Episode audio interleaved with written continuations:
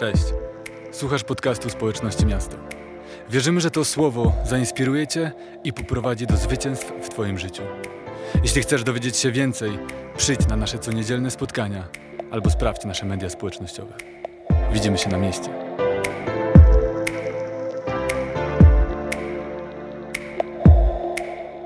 E, Słuchajcie, kościele, jak już wiecie, jesteśmy w serii Tacy jesteśmy.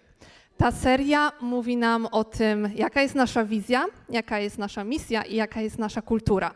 I tydzień temu pastor Alek właśnie rozpoczął e, serię tych kazań od e, podzielenia się, czym, e, czym jest nasza wizja.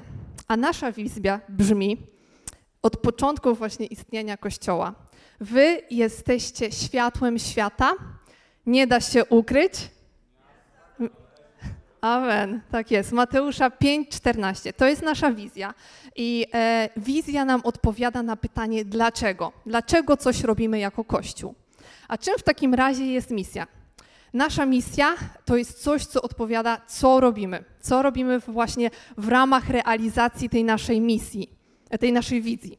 Więc my mamy takie cztery elementy y, naszej misji. To jest właśnie słowo, to jest uwielbienie, to jest uczniostwo i to jest Boże Królestwo.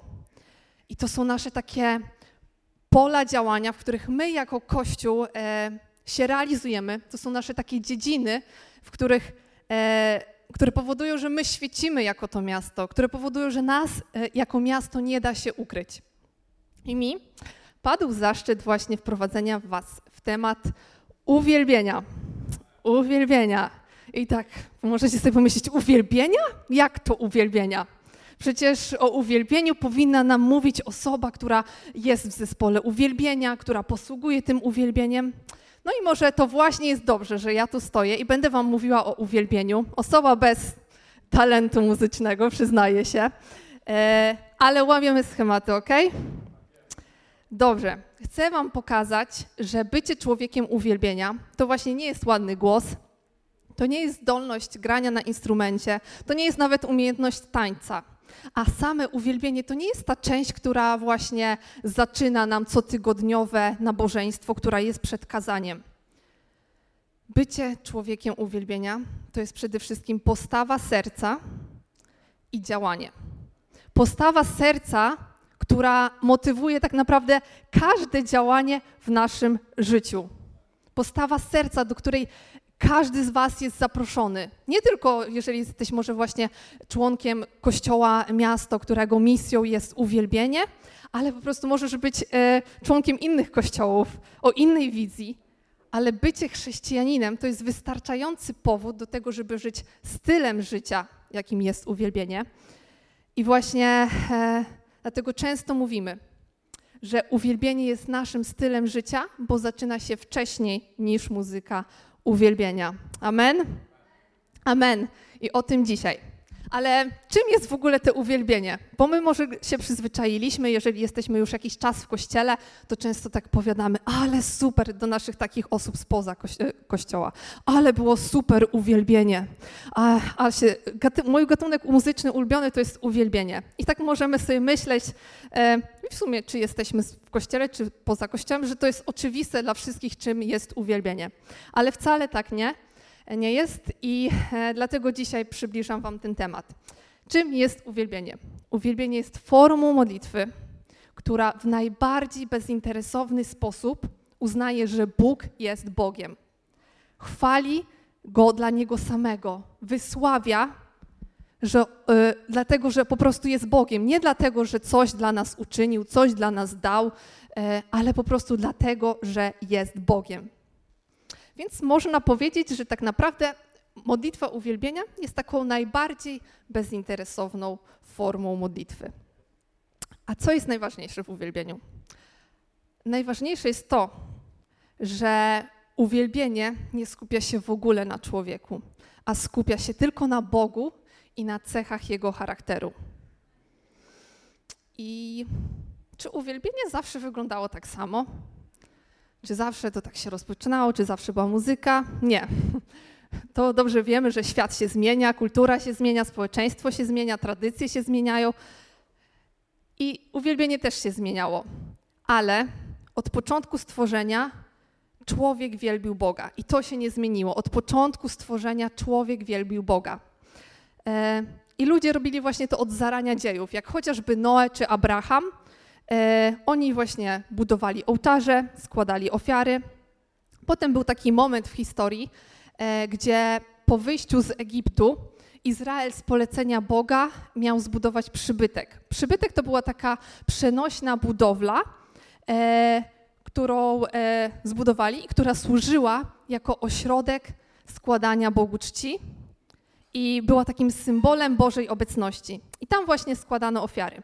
Potem te obrządki przeniesiono do stacjonarnego przybytku. Stacjonarny przybytek to była świątynia w Jerozolimie, która też była e, zbudowana z polecenia Boga. Potem e, w historii tą świątynię zniszczono, a Żydzi poszli na wygnanie. I e, jak poszli na wygnanie, rozproszyli się, to gdziekolwiek właśnie się osiedlili, to zakładali synagogi. I synagogi to były takie miejscowe ośrodki kultu i nauczania, ale też służyły jako właśnie takie centra oddawania Bogu czci. Nawet w momencie, kiedy potem zbudowano e, drugą świątynię i ta świątynia była. Więc dobrze widzimy w Starym Testamencie, że uwielbienie było ograniczone do konkretnych miejsc, było łączone z uroczystością publiczną i stało się takim e, społecznym aktem oddawania Bogu czci. Więc zdecydowanie inaczej to wygląda e, w Starym Testamencie niż to widzimy teraz. Składamy ofiar. Nie budujemy takich ołtarzy specjalnie, żeby złożyć te ofiary. Chociaż tak naprawdę, patrząc na dzisiejsze czasy, możemy mieć nadal mylne takie wrażenie, że Boża obecność i nasza wiara ogranicza się do budynków kościelnych. Ale Jezus w Nowym Przymierzu wprowadza niezłe rewolucje. To jest człowiek rewolucja. On wywraca wszystko do góry nogami. I e, żeby zobaczyć, jak właśnie, jakie rewolucje wprowadza w uwielbieniu, musimy sięgnąć do historii, kiedy Jezus spotyka Samarytankę, która właśnie zadaje mu pytanie: Jezu, jak mamy oddawać cześć Bogu? Jak ma wyglądać uwielbienie Boga? I przeczytajmy e, te słowa z Jana z czwartego rozdziału, od 19 wersetu do 24. Panie, zauważyła kobieta, widzę, że jesteś prorokiem. Nasi ojcowie na tej górze oddawali cześć Bogu. Wy natomiast mówicie, że w Jerozolimie jest miejsce, gdzie należy to czynić. Jezus powiedział: Kobieto, wierz mi, nadchodzi godzina, gdy ani na tej górze, ani w Jerozolimie nie będziecie oddawali czci Bogu. Czci Ojcu. Wy czcicie to, czego nie znacie, my czcimy to, co znamy, bo zbawienie pochodzi od Żydów. Lecz nadchodzi godzina, a właściwie nadeszła, gdy prawdziwi czciciele będą czcili Ojca w duchu i w prawdzie. Takich właśnie czcicieli Ojciec sobie szuka. Bóg jest duchem, dlatego ci, którzy go czczą, powinni to czynić w duchu i w prawdzie. Więc Jezus oznajmia, że nastąpi, nastąpi radykalne zerwanie z dotychczasowym sposobem oddawania Bogu czci. Jest to radykalna de deklaracja, naprawdę na tamte czasy to jest radykalna deklaracja, że powiedzieć, że nadeszła godzina i właściwie już jest, kiedy przestaje obowiązywać oddawanie Bogu czci w Jerozolimie. I Jezus, gdy zmartwychwstał, On się stał tą naszą taką nową świątynią, miejscem spotkania z Bogiem, z Bogiem ludzi. Ale też czytamy, E, że właśnie dlatego ci, którzy go czczą, powinni to czynić w duchu i w prawdzie. I że takich czcicieli to są prawdziwi czciciele, których ojciec sobie szuka. No ale w duchu i w prawdzie może wydawać się, że to jest oczywiste, ale wcale nie jest to oczywiste. Czym jest ta prawda? Pra tą prawdą jest Jezus. On sam o sobie mówi, że jest drogą, prawdą i życiem. Więc nie da się prawdziwie uwielbiać Boga, e, nie przyjmując Jezusa do swojego życia. Prawdziwe uwielbienie odbywa się przez Jezusa. On jest tą prawdą, a my przyjmując tą prawdę i przemieniając nasze życie, całe życie na obraz Chrystusa, to jest prawdziwe uwielbienie. Więc tym jest prawda, a czym jest w takim razie duch? To uwielbienie w duchu. Więc autentyczne takie oddawanie Bogu czci wymaga od tego czciciela nie tylko zrozumienia na poziomie umysłu tej prawdy o Jezusie, ale tak, tego, by czciciel doświadczył e, takiego prawdziwego ożywienia i poruszenia w swoim duchu. Tej prawdy, która, którą przyjmuje na, umysłem, żeby ona potem właśnie e, ożywiła i poruszyła go. Bo właśnie w uwielbieniu to duch ludzki spotyka się z Bożym Duchem. I jeżeli może właśnie te pojęcia jakoś tak enigmatycznie dla was brzmią, że duch ludzki, duch Boży i w sumie nie wiecie do końca, e, nie rozumiecie tego do końca, to zapraszam was do serii Duch, Dusza, Ciało, która mówi o tym, że my jesteśmy, e, składamy się właśnie z tych, tych trzech części. E, więc wracając, innymi słowy, Jezus żąda od nas skorygowania, oddawania przez nas Bogu czci. I właśnie mówi to do ludzi, którzy żyli tą, tą, taką starą tradycją w Starym Testamencie, ale też powtarza to do nas, żebyśmy prześwietlili może nasz sposób oddawania Bogu czci. By było one zgodne z prawdą i by ta prawda spowodowała takie autentyczne poruszenie, takie autentyczne przebudzenie w naszym duchu, czego konsekwencją będzie prawdziwa zmiana w życiu chrześcijanina. To będzie widoczne, to uwielbienie Twoje będzie widoczne w Twoim życiu. I on powiada, że prawdziwi czciciele będą go czcili w duchu i w prawdzie, co oznacza, że będą to robili w każdym miejscu, o każdym czasie i w różnych formach. To nie będzie się odbywało tylko w niedzielę. To nie będzie się odbywało tylko w taki sposób konkretny e, przed kazaniem. I to nie będzie się odbywało tylko w budynkach kościelnych. Amen ponieważ właśnie ten duch i ta prawda są ponadczasowe, nie przybierają żadnej formy i nie są jakoś taką materią, żeby zajęły konkretne, e, konkretną przestrzeń. Dobrze, e, więc tak. E, ja e, sobie tak relacje z Bogiem lubię obrazować do relacji z drugim człowiekiem. Jest mi łatwiej wtedy e, zrozumieć tego niewidzialnego Boga, z którym mam relację.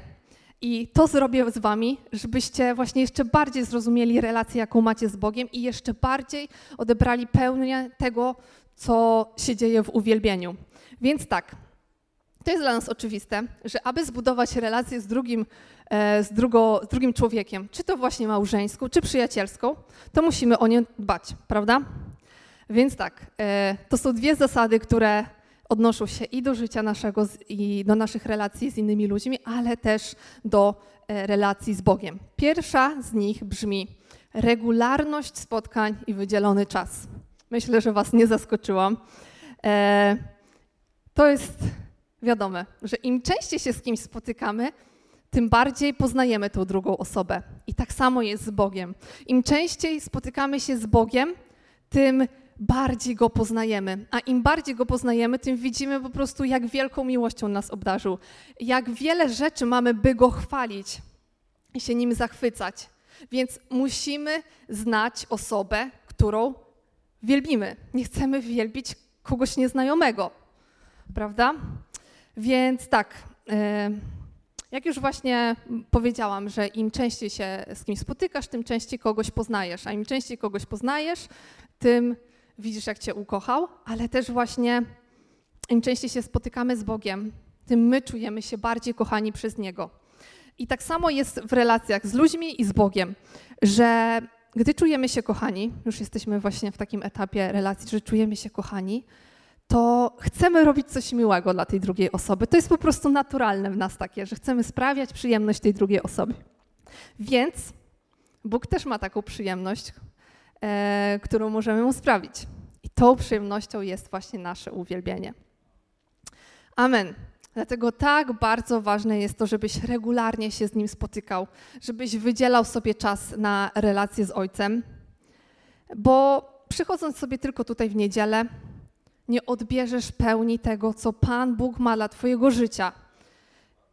Więc spotykajmy się, planujmy czasami nawet czas z Nim. Eee, wpisujmy do kalendarza może. Dobrze, to jest pierwsza zasada. A jaka jest ta druga? Ta druga brzmi uwielbianie go w sposób mu przyjemny, czyli ekspresja naszych uczuć. Bo czy wystarczyłyby same słowa? Hm. Czasami myślimy, że z Bogiem to wystarczyłoby same słowa, a w relacjach z innymi ludźmi już wcale tego tak nie odbieramy. I mówi się, że słowa nic nie kosztują, co oznacza, że właśnie mowa ma niewielką wartość, jeżeli nie jest poparta czynami.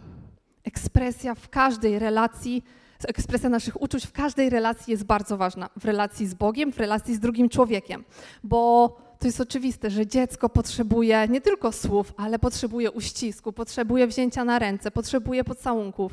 Tak samo jak małżonek. To dla niego to nie jest wystarczające, żeby słyszeć tylko kocham cię. On potrzebuje tych gestów potwierdzających miłość. Tak samo właśnie jest z Bogiem.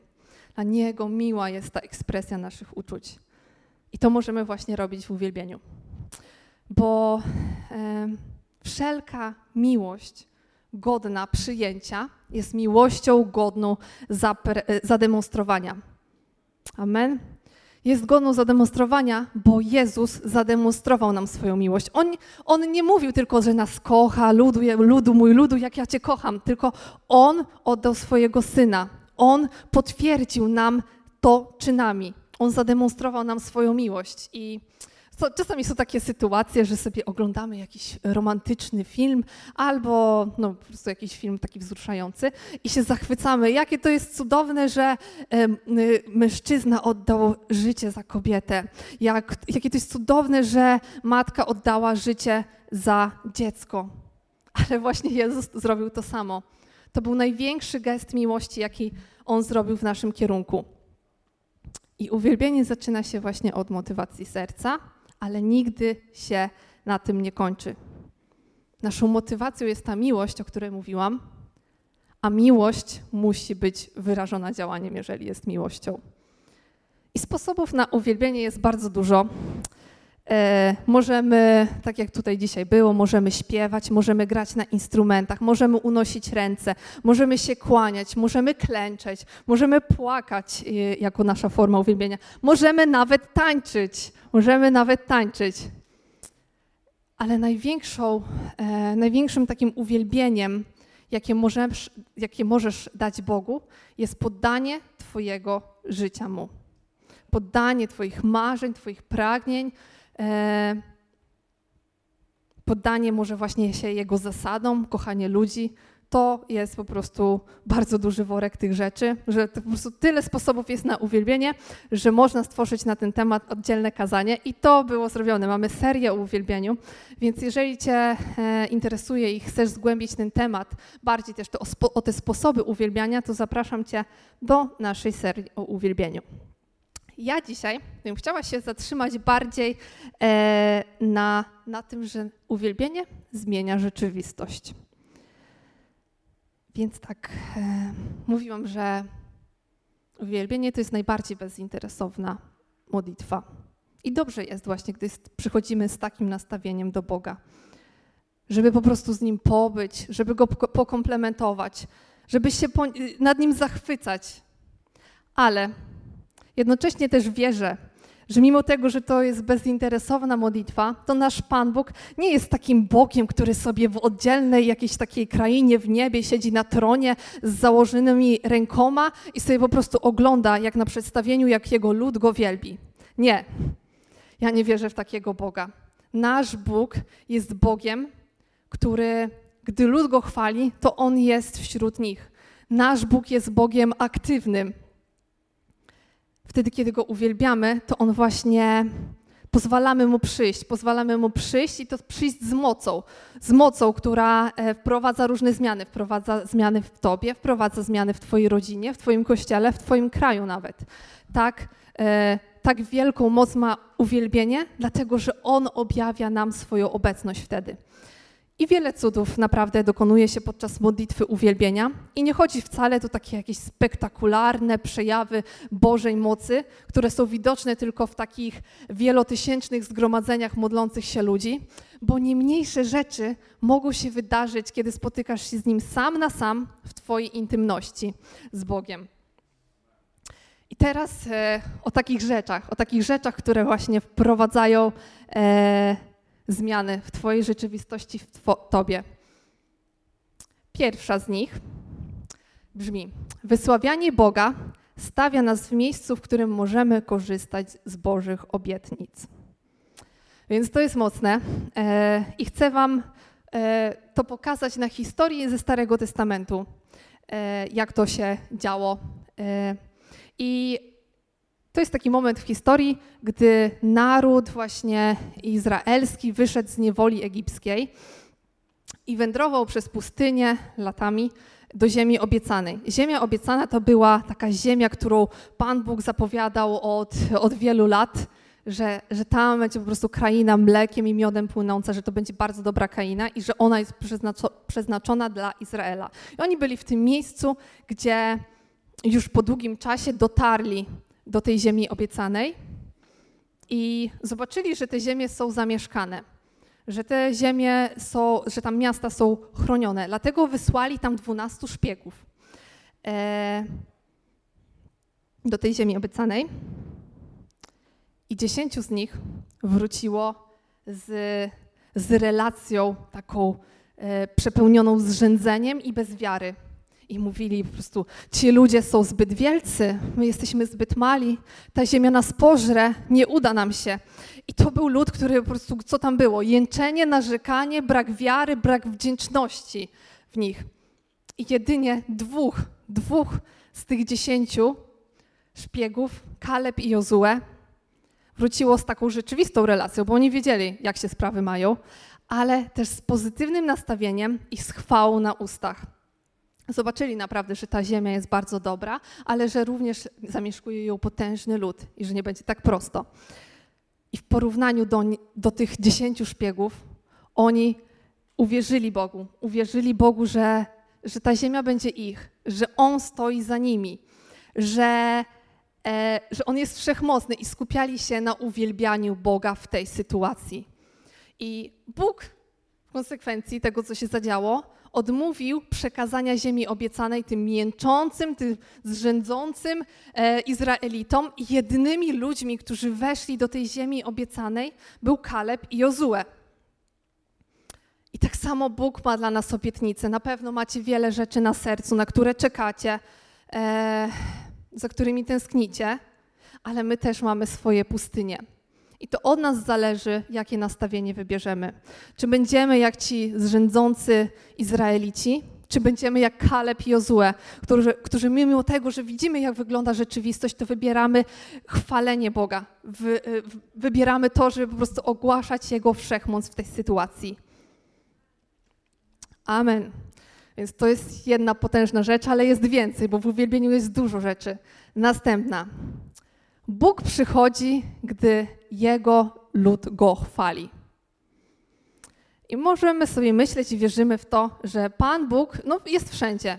Wierzymy w to, że jest wszędzie, że On nie musi, bo nie potrzebuje zaproszenia, żeby przyjść, bo On jest wszędzie. Ale też mamy potwierdzenie w Słowie, że Bóg objawia się ze swoją obecnością w wyjątkowy sposób, gdziekolwiek ludzie Go chwalą.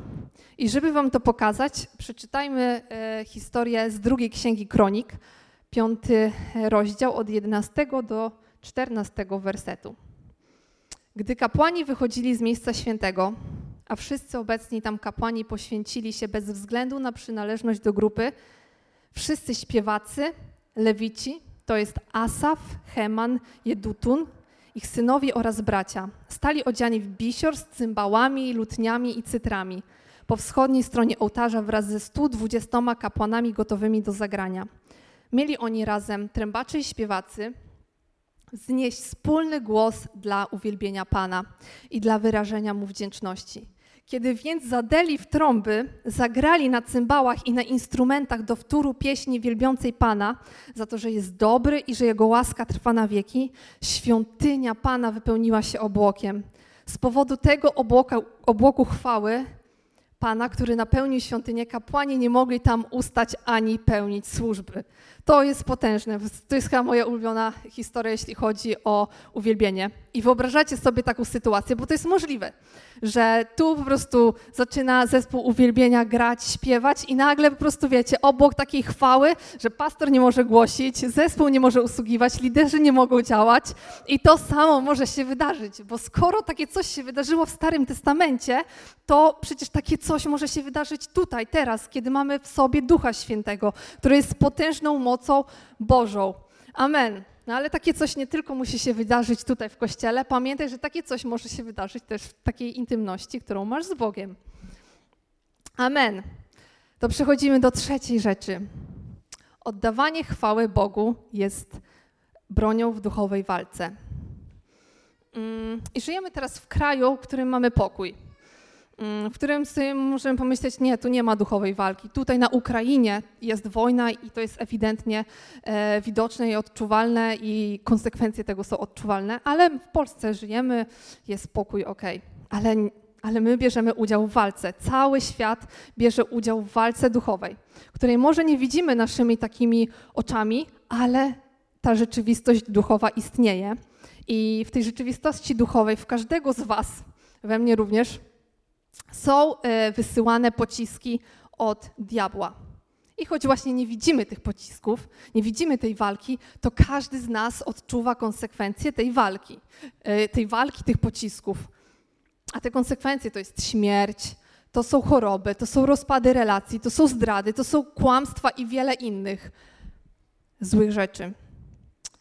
I to jest miejsce, gdzie czasami po prostu jesteśmy w miejscu tak wielkiej bezradności, że po prostu nawet nie mamy siły się o to modlić. I uwielbienie tej sytuacji jest po prostu najlepszą bronią, której możesz użyć. Bo to jest broń, która powala przeciwników Boga, bo to jest broń, która sprowadza taką obecność Bożą, która jest namacalna i dezorientuje wrogów w tej walce. I to jest kolejne potwierdzenie, które mamy w Słowie, też właśnie w drugiej księdze Kronik, 20 rozdział. I tutaj trochę poskaczemy po wersetach, żeby to skrócić. 15, 17 od 20 do 22. Tak mówi do was Pan: Nie bójcie się i nie drżyjcie przed tym potężnym wojskiem. Nie wasza to wojna, ale Boża. Nie waszą rzeczą będzie przeciwko nim walczyć Ustawcie się tam i stójcie, a zobaczycie, jak Pan pośpieszy wam na ratunek Judo i Jerozolimu. Nie bójcie się i nie drżyjcie. Jutro wyjdźcie im naprzeciw, a Pan będzie z wami. Następnego dnia wstali wcześnie rano i wyruszyli na pustynię Tekoa. Przed wyjściem Jehoszafat stanął i przemówił: Słuchajcie mnie, Judejczycy i mieszkańcy Jerozolimy. Zaufajcie Panu, waszemu Bogu, a doznacie wsparcia. Zaufajcie Jego prorokom, a poszczęści wam się. Potem naradził się z ludem i wyznaczył śpiewaków, którzy mieli wielbić Pana w odświętnych szatach, podążając na czele zbrojnych ze śpiewem.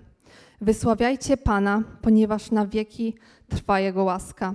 A kiedy wznieśli radosny okrzyk i pieśń uwielbienia, Pan wprowadził w zasadzkę ciągnących na Judę Amonitów, Moabitów i mieszkańców Pogórza Seir, tak, że zostali pobici. I tak, nie wasza to walka, ale walka to Boga. Ale wy macie też narzędzia w tej walce.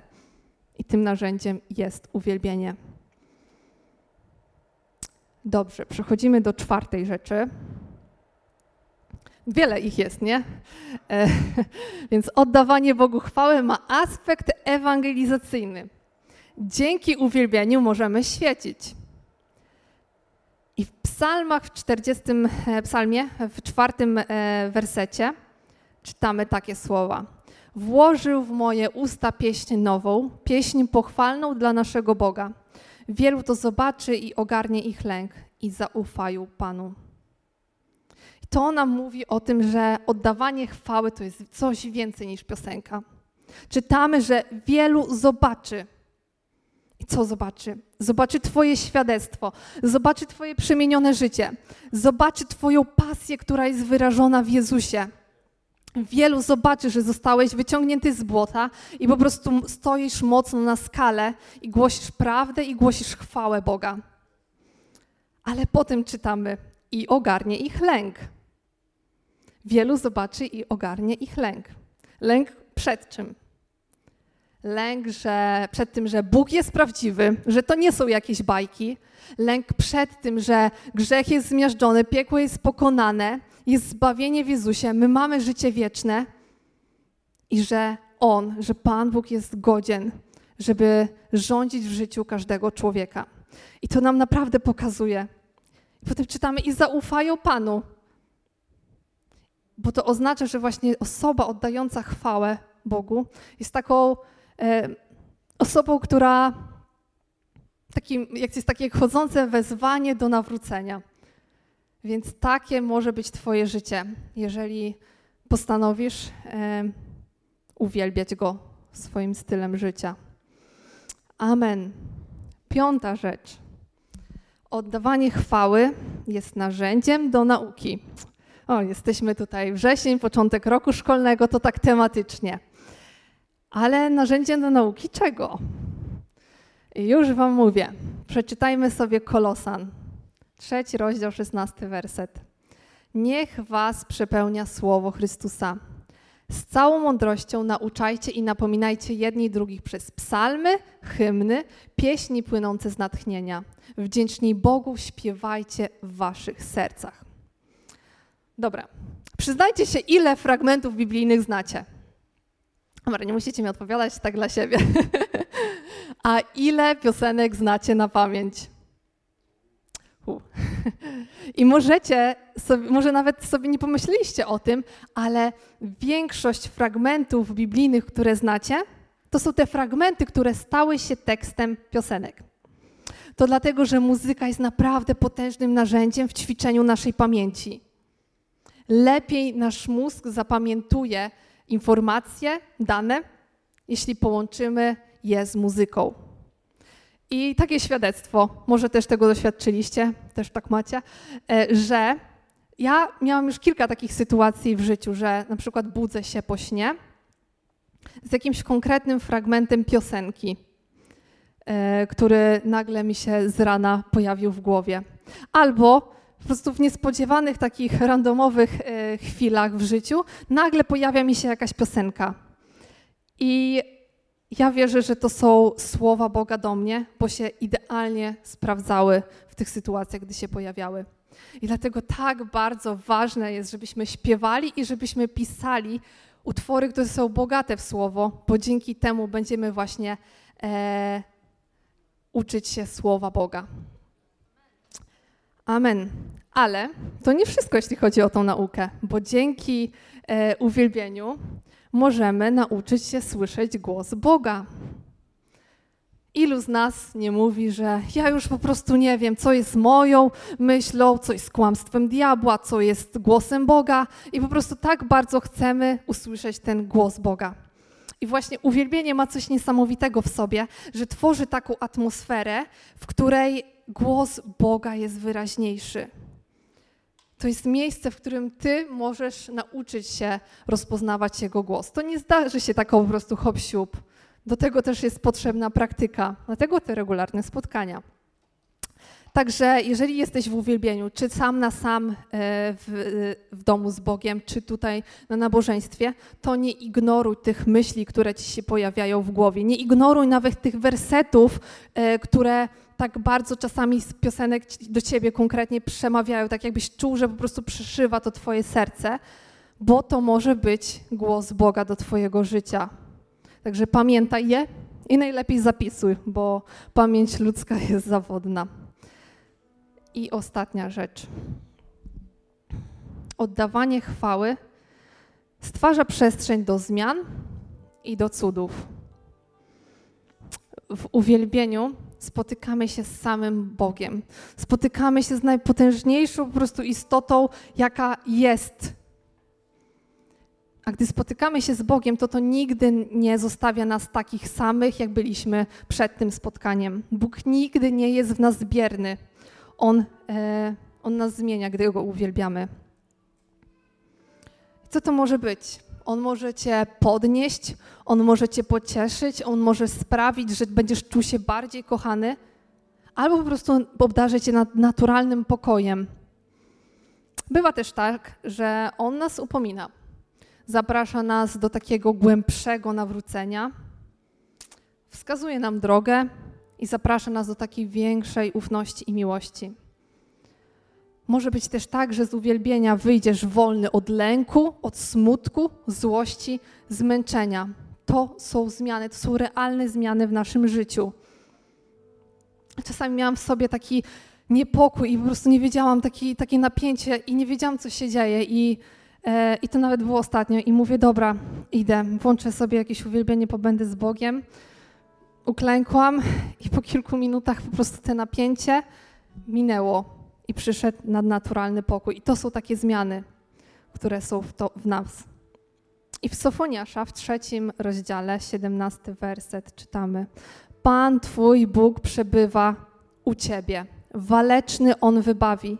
Uniesie nad Tobą radością. Uciszy Cię w swojej miłości. Rozraduje się nad Tobą przy pieśni. Więc to są te zmiany, które możesz odczuć. Więc rzućcie wyzwanie Bogu, bo naprawdę poczujecie te zmiany. Ale mówiłam też, że uwielbienie. Mm, w uwielbieniu możemy obserwować także cuda.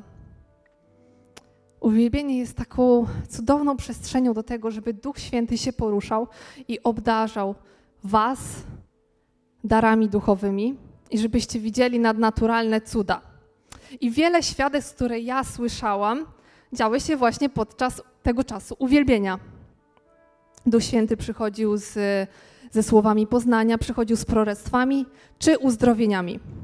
I żeby Wam powiedzieć, właśnie tutaj jeszcze potwierdzić, to podzielę się takim świadectwem e, mojej przyjaciółki Irminy.